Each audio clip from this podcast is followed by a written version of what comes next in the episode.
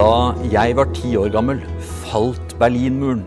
Den mektige kommunismen i Europa kollapset, og den kalde krigen var over.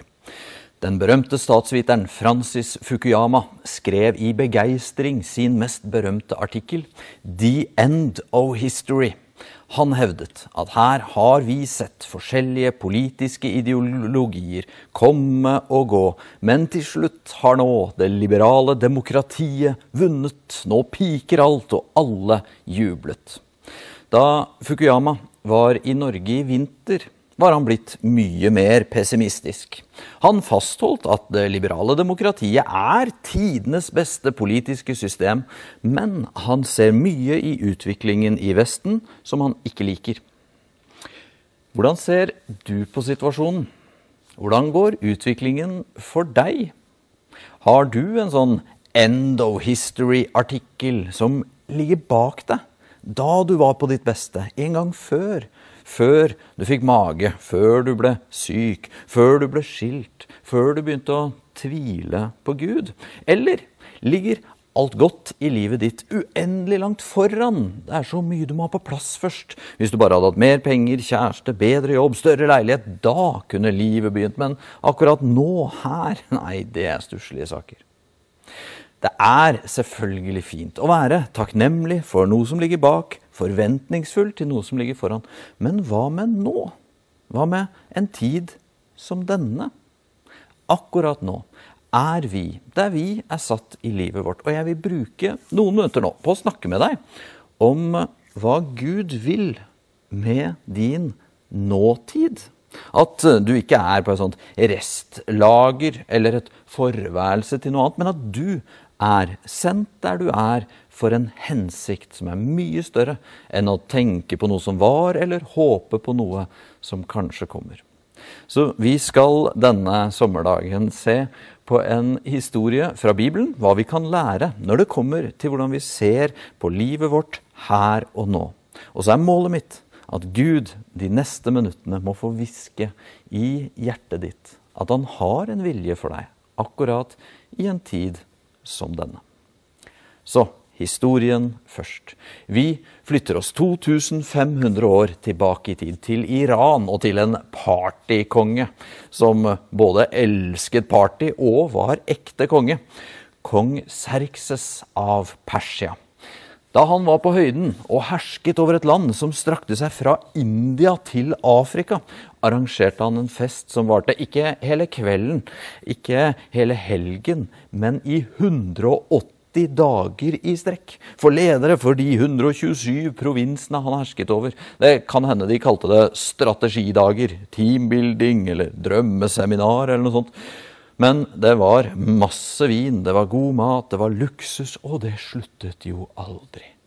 Etter 180 dager var det offisielle programmet over. Da dro Serkses straks i gang en ny syvdagersfest, og mot slutten av den så var Serkses full og glad, og han ville brife til alle med hvor digg kona hans var, så han sendte bud på favorittkona si, dronning Varsti. Nå har ikke jeg vært verken dronning eller kone, men jeg tror likevel jeg kan ane hvor landet ligger. Hvis typen din har festet hver dag i et halvt år, og så ber deg pynte deg med det fineste du har, for at han skal kunne vise deg frem for hundrevis av andre fulle menn. Dronning Varsti nektet å gjøre som han sa. Hun kom ikke. Og etter metoo og alt vi har lært, så vil jeg si at Varsti var en helt. Dette er faktisk kanskje den første beskrivelsen i historien av en dame som sier nei til en mann med makt. Varsti for president, eller dronning i hvert fall. Men det motsatte skjedde. Serkses han gikk ikke akkurat i seg selv, for å si det sånn. Han avsatte isteden Varsti og sa at hun aldri i sitt liv fikk se han mer. Man lever i et litt sånn deilig univers hvis man tenker at den verste straffen man kan gi noen som har nektet å møte deg, er at de ikke får møte deg mer. Men Serkses tok i hvert fall tak i situasjonen for sin egen del. Han startet en av verdens første og største missekonkurranser. Han måtte jo få seg ny kone. Så han fikk folkene sine til å undersøke i hele det store landet etter de peneste unge jentene. De fikk ikke da en sånn invitasjon i fin konvolutt. De ble bare tatt med makt og samlet i haremet hans. Så fikk de ett år på å gjøre seg i stand til å møte kongen. Første halvår ble de behandlet med de beste salvene i verden, og det siste halvåret ble de behandlet med de beste parfymene. Alle fikk så være sammen med kongen én natt, og til slutt skulle han velge blant dem. Du som trodde X on the beach var drøyt, liksom. Du burde lese mer i Bibelen. Nei da. Eller jo da. Absolutt. Heller det. Eh, et av folkene kong Serkses hadde knust i krig og så bortført, det var jødene. Og en av disse jødene var en jente som het Ester. Jeg vet ikke hva du syns om utgangspunktet i livet ditt. Var du heldig, eller var du uheldig, tenker du? Mamma og pappa skulle vært rikere dagens tenåringer. Jeg hadde bare en gammel iPhone. Jeg skulle ønske jeg var født et kulere sted. Jeg skulle ønske jeg hadde hatt større muligheter til å realisere meg selv, til å følge drømmene mine. Sånne ting kan vi si. Hør på Esters utgangspunkt i livet. Begge foreldrene var drept i krig. Hun var bortført i et fremmed land. Hun var oppdratt av en slektning som het Kai, men de kalte han Mordekai. Mordekai. Han var snill, han altså. Men nå var hun bortført til kongens harem. Klag til Ester om utgangspunktet. Så, etter et år på spa, så kom hun til kongen. Og kongen, han likte henne. Han likte henne kjempegodt. Hun fikk bli dronningen hans. Det var nok ingen som spurte hva Ester selv ville. Mordekai, slektningen hennes, han gikk hver dag på torget utenfor slottet for å høre hvordan det gikk med Ester. Og en dag han gikk der, så fikk han høre to menn som pratet sammen om at de ville drepe kong Serkses. Og Mordekai han fikk tak i Ester, og så ga han beskjed, og kuppforsøket ble stoppet. Kongen fant ut at truslene Mordekai hadde hørt, de var sanne. Og alt ble grundig dokumentert i kongens logg de kalte en krønike. Like etter ansatte kongen sin mest betrodde rådgiver, en staselig mann som het Haman. Og Haman elsket makt. Han elsket den nye jobben sin. Særlig dette at folk bøyde seg for han når han kom gående. Da hadde han nok en sang som gikk inn i han. 'Jeg er best, og alle elsker meg'. Men akkurat ved porten inn til slottet så var det én irriterende fyr som ikke bøyde seg for Haman. Aldri. Og det var Mordekai. For Mordekai han trodde på Gud, og han ville ikke bøye seg for noen andre. Dette irriterte Haman sykt. Det, det, var det første han snakket om da han kom hjem til kona si og vennene sine. Han jøden Mordekai vil ikke bøye seg for meg, for meg! Så tenkte han ut en utspekulert plan. Han sa til kongen litt sånn i forbifarten Du, det er noen folk i riket ditt som ikke følger loven. Jeg kan fikse de, og samtidig gi deg masse sølv fra dem, konge. Kong Xerxes han fulgte ikke ordentlig med, men sa bare ok, Haman, gjør som du vil. Og Haman satte i gang. Han gikk rett på Twitter og offentliggjorde en lov som sa at om tolv måneder skulle alle jøder i hele riket drepes. Og siden da, gjennom hele historien, har jødene vært utsatt for dette. Konspirasjoner. Der noen har sett seg tjent med å peke ut dem som syndebukker og forfølge dem. Det skjer trekk av dette igjen i Europa nå. Jøder føler seg utrygge i mange byer, så nært som i Malmö. Da Mordekai hørte dette, så ble han dypt fortvilet. Han sendte bud til Ester og sa nå må du gå inn til kongen og trygle han om å fikse dette, ellers blir vi alle drept. Ester svarte. Alle kongens tjenere og folk i kongens provinser vet at om noen, mann eller kvinne, går inn til kongen i den indre slottsgården uten å være innkalt, så er det bare én lov som gjelder døden. Bare den som kongen retter gullsepteret sitt mot, får leve. Selv har jeg ikke blitt kalt inn til kongen på 30 dager. Ser du hvordan Ester tenkte? Det er umulig. Det er ikke sånn det funker. Også noe som er typisk for oss alle. Mordekai, det er dårlig timing nå. Det passer egentlig ikke noe særlig. Akkurat nå er jeg i en dårlig periode. Det er en måned siden jeg har vært inne hos kongen. Han er kanskje sur på meg eller noe. Mordekai svarte. Om du tier i denne tiden, så vil hjelp og redning komme til jødene fra et annet sted, enn du og ditt farshus vil gå til grunne. Og hvem vet? om det ikke er for en tid som denne at du har fått dronningrang. Hvem vet? Om det ikke er for en tid som denne at du er satt akkurat der du er nå. På den skolen eller jobben du er. Med de menneskene som du har rundt deg. Hør nå, du og jeg, fordi vi lever i Norge i 2020, er omgitt av fortellinger som sier at alt er meningsløst og tilfeldig. I tillegg så fortelles du hele tiden om alt som skulle vært annerledes med deg. Du skulle vært penere, du skulle vært smartere, du skulle vært mer populær. Men tenk om virkeligheten er helt annerledes. Om du faktisk er skapt og ment akkurat for det du står i nå. At Gud har sendt deg i livet ditt.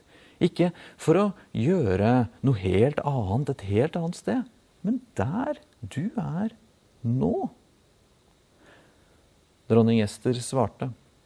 Gå og kall sammen alle jøder som befinner seg i Susa, og hold faste for min skyld. Dere skal ikke spise eller drikke på tre dager, verken om natten eller dagen. Jeg og tjenestejentene mine vil også faste på samme måte. Så skal jeg gå inn til kongen, selv om det ikke er etter loven. Skal jeg gå til grunne, så går jeg til grunne. Ester var ikke noe siv i vinden. Hun er knallsterk. Men når vi føler oss trygge i livet på at vi er på rett sted, at vi vet oppdraget vårt, da kan vi alle bli modigere og mer besluttsomme. Og legg merke til hva hun sier. Ikke sånn 'Jeg stoler på at Gud skal sørge for at det kommer til å gå bra'. Hun sier ikke 'Jeg stoler på at Gud kommer til å belønne meg'. Nei, hun gjør det hun skal fordi hun tror det er rett. Skal jeg gå til grunne, så går jeg til grunne. Tre dager etter tok Ester på seg sin fineste kjole og gikk inn til kongen. Alle gispet da hun kom uten å være invitert. Hva skjer her? I noen sekunder lå hun med pannen i bakken og knelte, før kongen med et smil pekte på henne med gullsepteret. Hva vil du jeg skal gjøre for deg? spurte han. Ester turte ikke å gå rett på sak, så hun sa eh, jeg vil at du og Haman eh, kommer på en fest jeg lager for dere i kveld. Selvsagt, sa kongen. Han var jo partykongen, så han kom. Og på slutten av kvelden var han i godt humør og spurte om det var noe annet. Hun ville bare si det, Ester. Ester nølte, men svarte eh, ja, jeg lurer på om du kan være så snill å komme på en ny fest i morgen. Gjerne, sa kongen. Da Haman gikk hjem den kvelden, så var han strålende fornøyd. Han var nummer to i riket, han var den feteste karen. Alle bøyde seg for han, foran der han gikk, mett og fornøyd, og han hadde den sangen i hodet om at alle likte han. Men så kom Haman til porten, og der var han dusten Mordekai, og all glede forsvant for Haman. Han kom hjem rasende, og igjen klagde han til kona og vennene om han jøden som ikke ville bøye seg for han. Da sa kona hans, du er mektig, Haman, få reist en stor galge, en 30 meter høy, og heng han der. Det forslaget likte Haman. Han satte folk til å bygge den med en gang. Samme kveld måtte de begynne. Samtidig, i slottet, så slet kongen med å sovne denne kvelden. For en gangs skyld hadde han ingen koner der, og han ropte på tjenerne. Få inn eh, krøniken, historieboken om meg, og les noe, hva som helst. Jeg får ikke sove. Fortell meg hvor fantastisk jeg er. Tjenerne de begynte å lese, og de kom til det som hadde skjedd da Mordekai hadde avslørt planene om å drepe han, og kongen ble tankefull. Les videre. Eh, fikk vi noen gang belønnet han karen der? Nei, ser ikke sånn ut, sa tjenerne. Neste morgen kom en duggfrisk Haman inn til kongen for å be om tillatelse til å henge Mordekai. Men før han rakk å si noe, sa kong Serkses til Haman. Hva kan en gjøre for en mann som kongen ønsker å hedre? Bing! Sangen kom tilbake i hodet til Haman, og han tenkte kongen mener selvfølgelig meg, det er meg han vil ære, han har skjønt hvor great jeg er. Så Haman svarte, jeg vil gitt han de kuleste klærne, den feteste hesten, en krone på hodet, og så ville jeg fått en av dine andre mest betrodde menn til å føre hesten gjennom hele byen mens han ropte Sånn gjør man med den som kongen ønsker å hedre. Kongen sa til Haman, Skynd deg, ta klærne og hesten slik som du sa, og gjør dette. Med jøden Mordekai som sitter i slottsporten. Glem ikke noe av alt du har sagt. Haman som samme natt hadde fått reist en kjempegalge til å henge Mordekai, må nå gå foran hesten med Mordekai på gjennom hele byen mens han ropte med sammenbitte tenner Sånn gjør man med den som kongen ønsker å hedre. Da han kom hjem den dagen, var Haman virkelig pist. Han fikk bare så vidt begynt å fortelle hvor ydmyket han var, før han ble hentet av kongens tjenere for å komme til andre kveld av Esters fest. Også denne middagen ble en suksess. Kongen var strålende mett og fornøyd. Han så varmt på Ester og sa, Er det noe du vil be om, dronning Ester, så skal du få det. Har du et ønske, om det så er halve riket, skal det bli oppfylt. Da rensket Ester stemmen og sa, Jeg vil så gjerne leve, men du har blitt lurt, konge. En ond mann har fått deg til å signere min dødsdom, for jeg er jøde, og om tolv måneder kan alle jøder fritt drepes, konge. Hva, sa kongen, hvem har gjort det? Ester pekte og sa, motstanderen og fienden er denne onde Haman. Kongen ble rødglødende sint. Han måtte gå ut av rommet et øyeblikk for å ta telling. Og imens satt Haman likblek igjen. Hva skulle han gjøre? Skulle han prøve å rømme? Nei, han tenkte hans eneste håp fikk være å bli venner med Ester. Så han gikk mot henne. Og her må jeg skyte inn. Hvis du noen gang skulle komme i samme situasjon som Haman her, ting kan jo skje, så vær så snill, ikke gjør det Haman gjorde nå. For Haman snublet og falt over Ester. Og akkurat da kom den rasende kong Serkses inn igjen. Og nå tiltet han. Ikke bare lurer du meg til å drepe en masse mennesker, du kaster deg over dronningen min i mitt eget hus. Han så ut av vinduet og la merke til kjempegalgen som nettopp var bygget, og sa til tjenerne, heng Haman der. Og straks gikk kongen i gang med å skrive en ny lov.